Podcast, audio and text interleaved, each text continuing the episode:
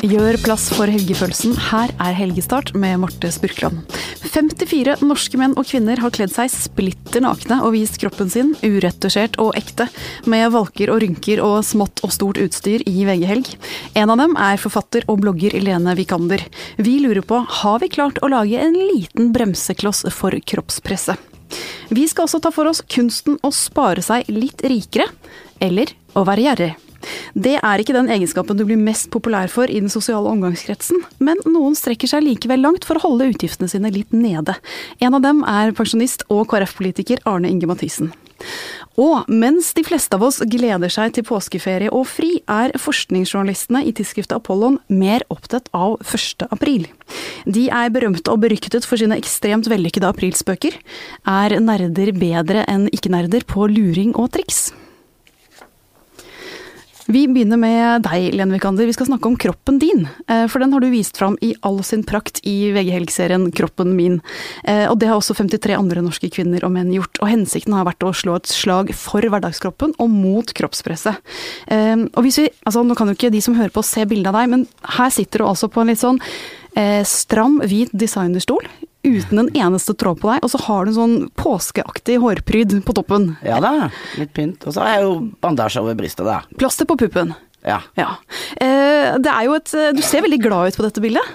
Ja, men jeg var glad. Det var koselig fotograf og hyggelig journalist. Det var en veldig fin pus der, husker jeg. Så tror jeg jeg fikk kake òg. Hva slags reaksjoner har du fått på det å stille så kliss naken? Nei, veldig mye blanda. Det forventa liksom eh, Et av budskapene mine var jo å gi mer faen. Jeg var jo midt under kreftbehandling når det der bildet ble tatt. Og da var det mye sånn tweet som ja ja, her ser vi at eh, det har vært gitt faen lenge, og sånn. Til de som eh, syns det er flott, og egentlig som forventet. Jeg tror at sånne saker, til det du sa innledningsvis, bidrar nok litt til å gjøre hverdagskroppen mer eh, svelgbar. Men samtidig er det jo også et fokus på eh, Det er en objektivisering av kropp, da. Uansett om det er hverdagskroppen eller den vanlige kroppen.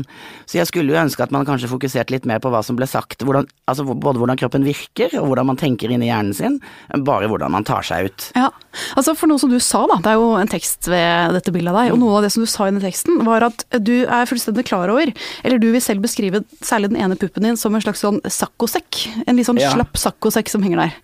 Eh, er vi da inne på form eller funksjon for deg? Nå har jo ikke brystene mine så veldig mye funksjon i og med at jeg ikke ammer så veldig. jeg ble jo smukka rett inn i sånn syntetisk overgangsalder eh, på grunn av noen piller. Men jeg fikk jo mye stråleskader og sånn i den andre, da. Eh, så det er liksom den ene er saccosekk, og den andre er en sånn der forknytt liten uh, klump. Men det, så lenge ting ikke gjør vondt, tenker jeg, mm. så må det jo være greit. Hva skal man gjøre? Men det å være i en sånn kreftbehandling som du har vært, da får kroppen din skikkelig bank? Skikkelig bank, og det merker jeg jo fortsatt. Det er jo veldig mye snakk om Det er veldig sexy å snakke om kreft når den står på og sånn, for alle frykter døden, og det er et veldig sånn uh, høytabloid tema, men, men, alle de senvirkningene og det som du liksom sliter med etter en behandling, er det jo ingen som liksom gidder å snakke om, for det blir oppfatta litt sånn som syting og sånn. Og det er jo noe veldig mange sliter i mange, mange år med, mm. inklusive meg. Eh, Arne Inge, du som er på en helt annen side enn oss som har laget denne kroppsserien, men ser disse bildene. Eh, hva, slags, eh, hva slags følelse får du i kroppen når du ser på disse nakne kroppene? Jo, jeg får en veldig positiv følelse. Eh, jeg tror det at denne serien har bidratt til å gjøre, gjøre det mer hverdagslig. At kroppen er jo noe vi alle sammen har og bærer med oss rundt. Og den er det den er. Og det tror jeg i langt større grad man burde forholde seg til. Ja, for altså, Det finnes jo litt sånn dystre undersøkelser på hvordan folk ser på kroppen sin om dagen. Altså Ungdata fra 2014, der var det vel noe sånn som 70 av jenter i ungdomsskole og videregående skolealder som ikke er fornøyd med hvordan de ser ut. Og vi vet også at stadig flere vil ikke dusje etter gymmen eh, på skolen, fordi at de vil ikke vise fram den uperfekte kroppen sin. Eh, Trine, du er jo den med flest vekttall av oss. Tror du at den, det å liksom vise fram eh, kropper i all sin prakt og ikke-prakt, tror du det kan legge en liten demper på det der perfeksjonspresset der ute? Eh, ja, det tror jeg egentlig. Fordi det er jo som eh, Lene sier her, at, eh, at vi, vi, snakker jo så mye om kropp og er opptatt av det, men, men når vi liksom viser den fram, så kanskje vi kan snakke litt mer om det som er inni hodene våre isteden. Mm. Men Ingarne, du var jo ung på et annet tidspunkt enn en oss andre. Og jeg ser jo for meg at det var noen tiår hvor den naturlige kroppen var veldig lett tilgjengelig og synlig. Eh, at man svinset rundt og, viste den fram. Eh, er, det, er, det, så stor forskjell på da og nå, eller har man liksom alltid vært litt stressa på utseendet? Man har nok eh, til alle tider vært eh, stressa på utseendet. Eh, jeg kan jo minne om at eh, jeg har en, en fetter som har drevet butikk i over 30 år. Og i den butikken så er det også sånn eh, passfoto. Og han har ikke opplevd enda at det er eh, en dame som er fornøyd med passbildet sitt. Med den første gangen, da? Det klikker? Ja. Du tar dem 14-15 ganger? Ja, ikke bare det, men de er som regel misfornøyd ja. med sitt bilde. Mens, eh, mens gutta, de Greit nok, sier de og så er de ferdig med det. Litt mer realisme? I, ja, jeg vet ikke, men det er, det er en litt forskjellig fokus, eh, opplever han iallfall. Mm. Men det er jo noe med det undervinkla kameravinkelen også, da. Alle ser ut som sånn straffange. Jeg syns det er guds under at jeg slipper inn i noe land som helst med det der passbildet jeg fikk på politihuset. Ja, ja. Det ser ut som jeg er medlem av Al Qaida big time, liksom. Nei, men allikevel så er det, er det flere damer som er misfornøyd med bildet sitt enn det det er menn. Kvinner er jo oppdratt til å finne veldig mye av sin verdi i hvordan de presenterer seg, hvordan de fremstår som objekt, da. Så det er jo derfor vi er så besatt av dette utseendet hele tiden, for å bli elsket. Eller så har jeg eh, Eh, jobbet i Tyskland eh, i flere perioder, og, og tyskerne har et litt annet forhold til kropp enn det vi har. Der er det sånn på de aller fleste badestrendene så det, står det et skilt med FKK på. Det står for Freie Körperkultur. Og bortafor der, der kan du sprade naken så mye du vil. På den andre sida så er du påkledd. Ja, Så det er den påkledte og den frie kroppskulturen hånd i hånd, så å ja, si? Ja, og der uh, gjør du som du vil. Men Lene, du var inne på det i starten. Du, vi skal se litt mer på kroppens funksjon enn enn hvordan den ser ut. Hva er ditt tips til både kvinner og menn som står der ute og ser seg i speilet og virkelig sånn hater det de ser? Å herregud, slutt med det. Ja. Skjerp deg, liksom. Ta deg sammen. Tenk på hva som faktisk er viktig her i livet. Altså, hvis kroppen din virker, herregud, så heldig du er. Jeg var alltid rundt som ei slakta gås, ikke sant, på grunn av masse sånn cellegiftskader i lår og prolaps i rygg og Jeg mener, hvis kroppen gjør det den er der for, ta deg rundt, som du sier, kan gi kjærlighet, varme uh, omsorg, ikke sant, du kan gå i skogen, vær glad, liksom. Og hvis du er så veldig misfornøyd, hvis det er noe som virkelig plager deg, så gjør noe med det, da, istedenfor å stå der og så pine deg sjøl. Ja, for vi er, vi er ikke helt motstandere av inngrep på kroppen heller? Ja, trening eller kosthold, hvis det er som man er bælfeit og det plager en og sånn, så må man jo ta grep og gjøre noe med det. Uh, operasjoner og sånn er jeg mindre tilhenger av, det syns jeg blir jo veldig ekstremt. Men det er jo sikkert tilfeller hvor det òg er eh, relevant, eksempel i min pasientgruppe. Det er jo rekonstruksjon av bryster og sånn. Man føler seg Og det er jo belastning på skuldre og alt mulig når du mangler et bryst. Men, men, men generelt så er vi altfor opptatt av det ytre, og det er en litt sånn veldig barnslig sånn infantil greie, ikke sant. Eh, du har ingenting annet å stille opp med, så bare se alle, Selv en sjimpanse kan jo ta seg ut. Ikke sant. Det krever jo ikke, sånn som vi snakker med hun med mest vekttall her, det krever jo ikke noe videre bare enn å stå der og løpe og gå og spise salatblader og vann og en skal og smøre seg og sånn. Eh, så det er noe liksom tilgjengelig for alle, og jeg tror det er derfor også det er blitt et sånt ideal, det er lettvint å ty til, ikke sant, og så er det bare helt tomt. Jeg tror vi nærmer oss et vedtak der, det er brukskroppen vi er opptatt av. Den som kan gjøre gøye ting med deg og for deg. Ja. Vi slår, vi slår det fast. Vi skal videre til deg, Arne Inge. Du blir også på sett og vis blottstilt i ukas VG Helg. Vi har en sak om kunsten å spare seg litt rikere, eller å være gjerrig, om man vil si det på den måten. Du er en person som innimellom tar noen smarte grep for å holde utgiftene nede. Hvordan ser du på deg selv, er du gjerrig, eller har du bare skjønt noe som vi andre ikke har skjønt? Nei, jeg, jeg oppfatter meg ikke selv som eh, spesielt gjerrig.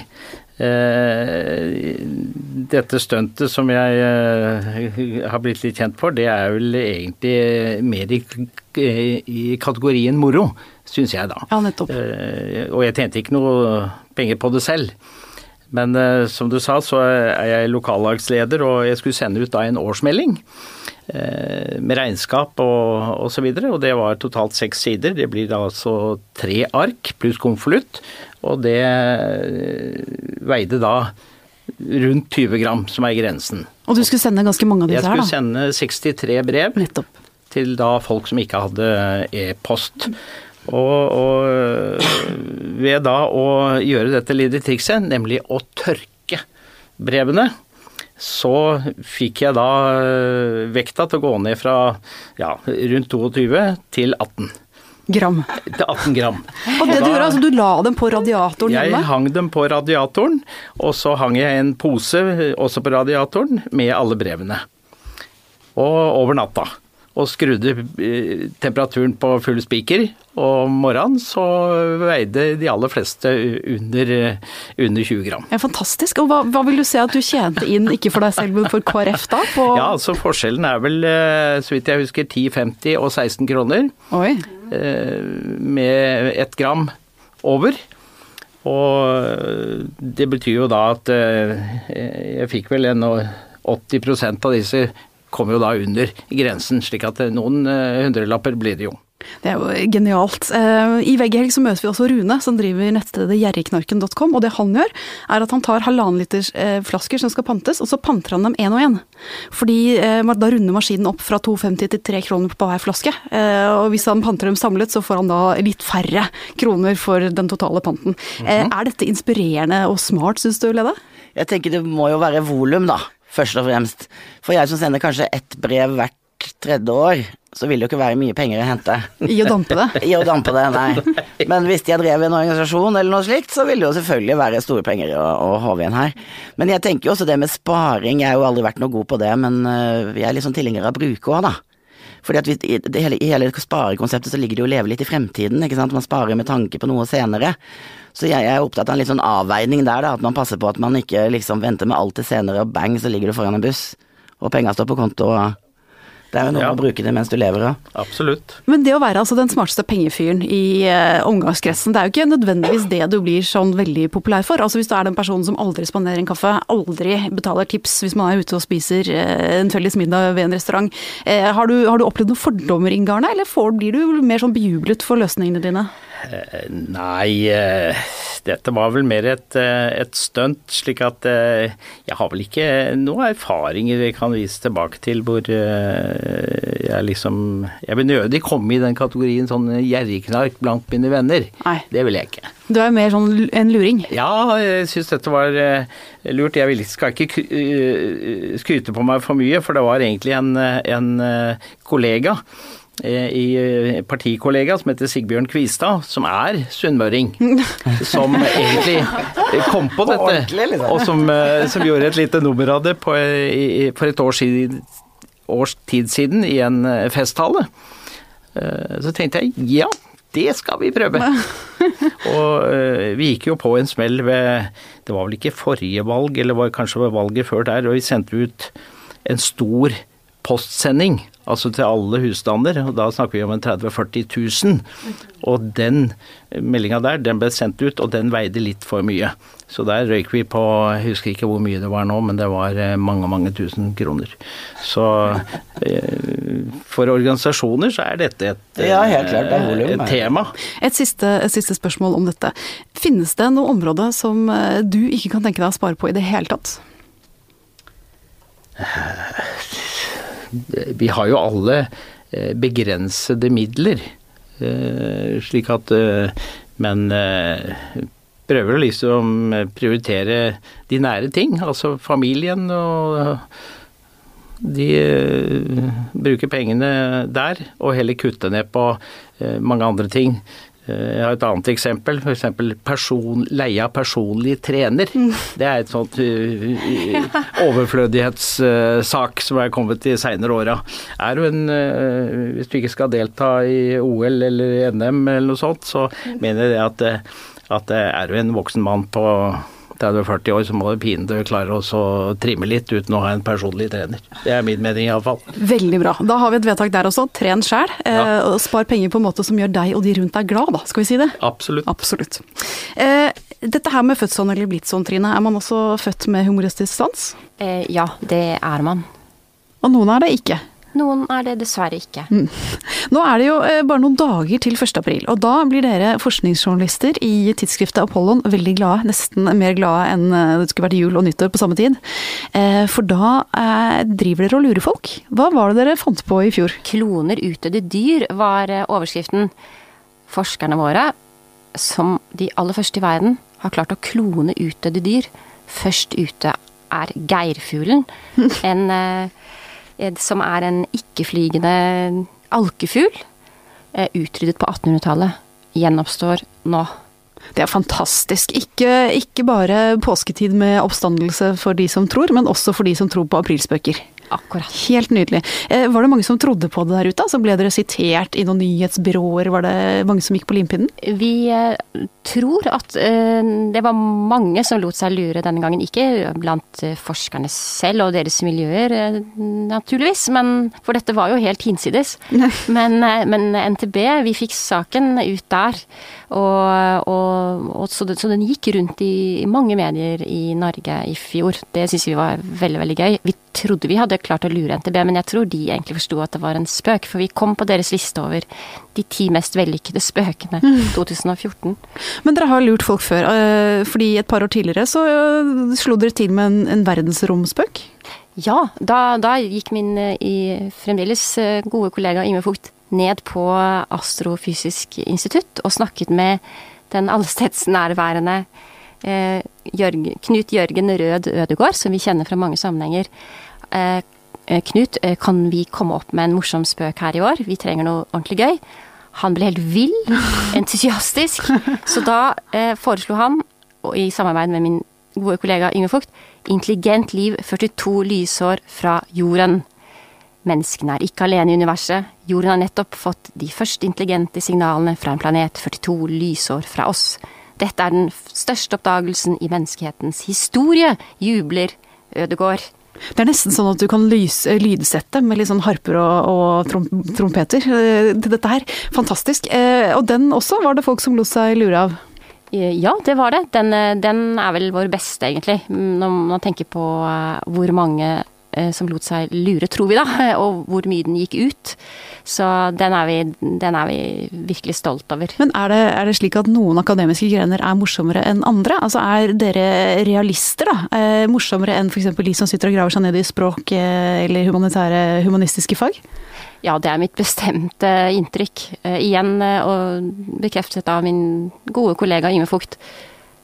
Eh, det er de mest, det mest teoretiske innenfor naturvitenskapen, de er helt klart morsomst. De som sitter på de minste kontorer og kanskje nesten har litt støv på skuldrene, de er så morsomme når de kommer ut i lys. Så, så bestemte, vårt bestemte inntrykk er at på Nedre Blindern, der fysisk eh, institutt står med sitt vakre hus, kjemisk institutt, biologisk institutt, matematisk institutt, der er det veldig, veldig mye humor. Mens på Øvre Blindern, der, der synker det litt sånn oppover.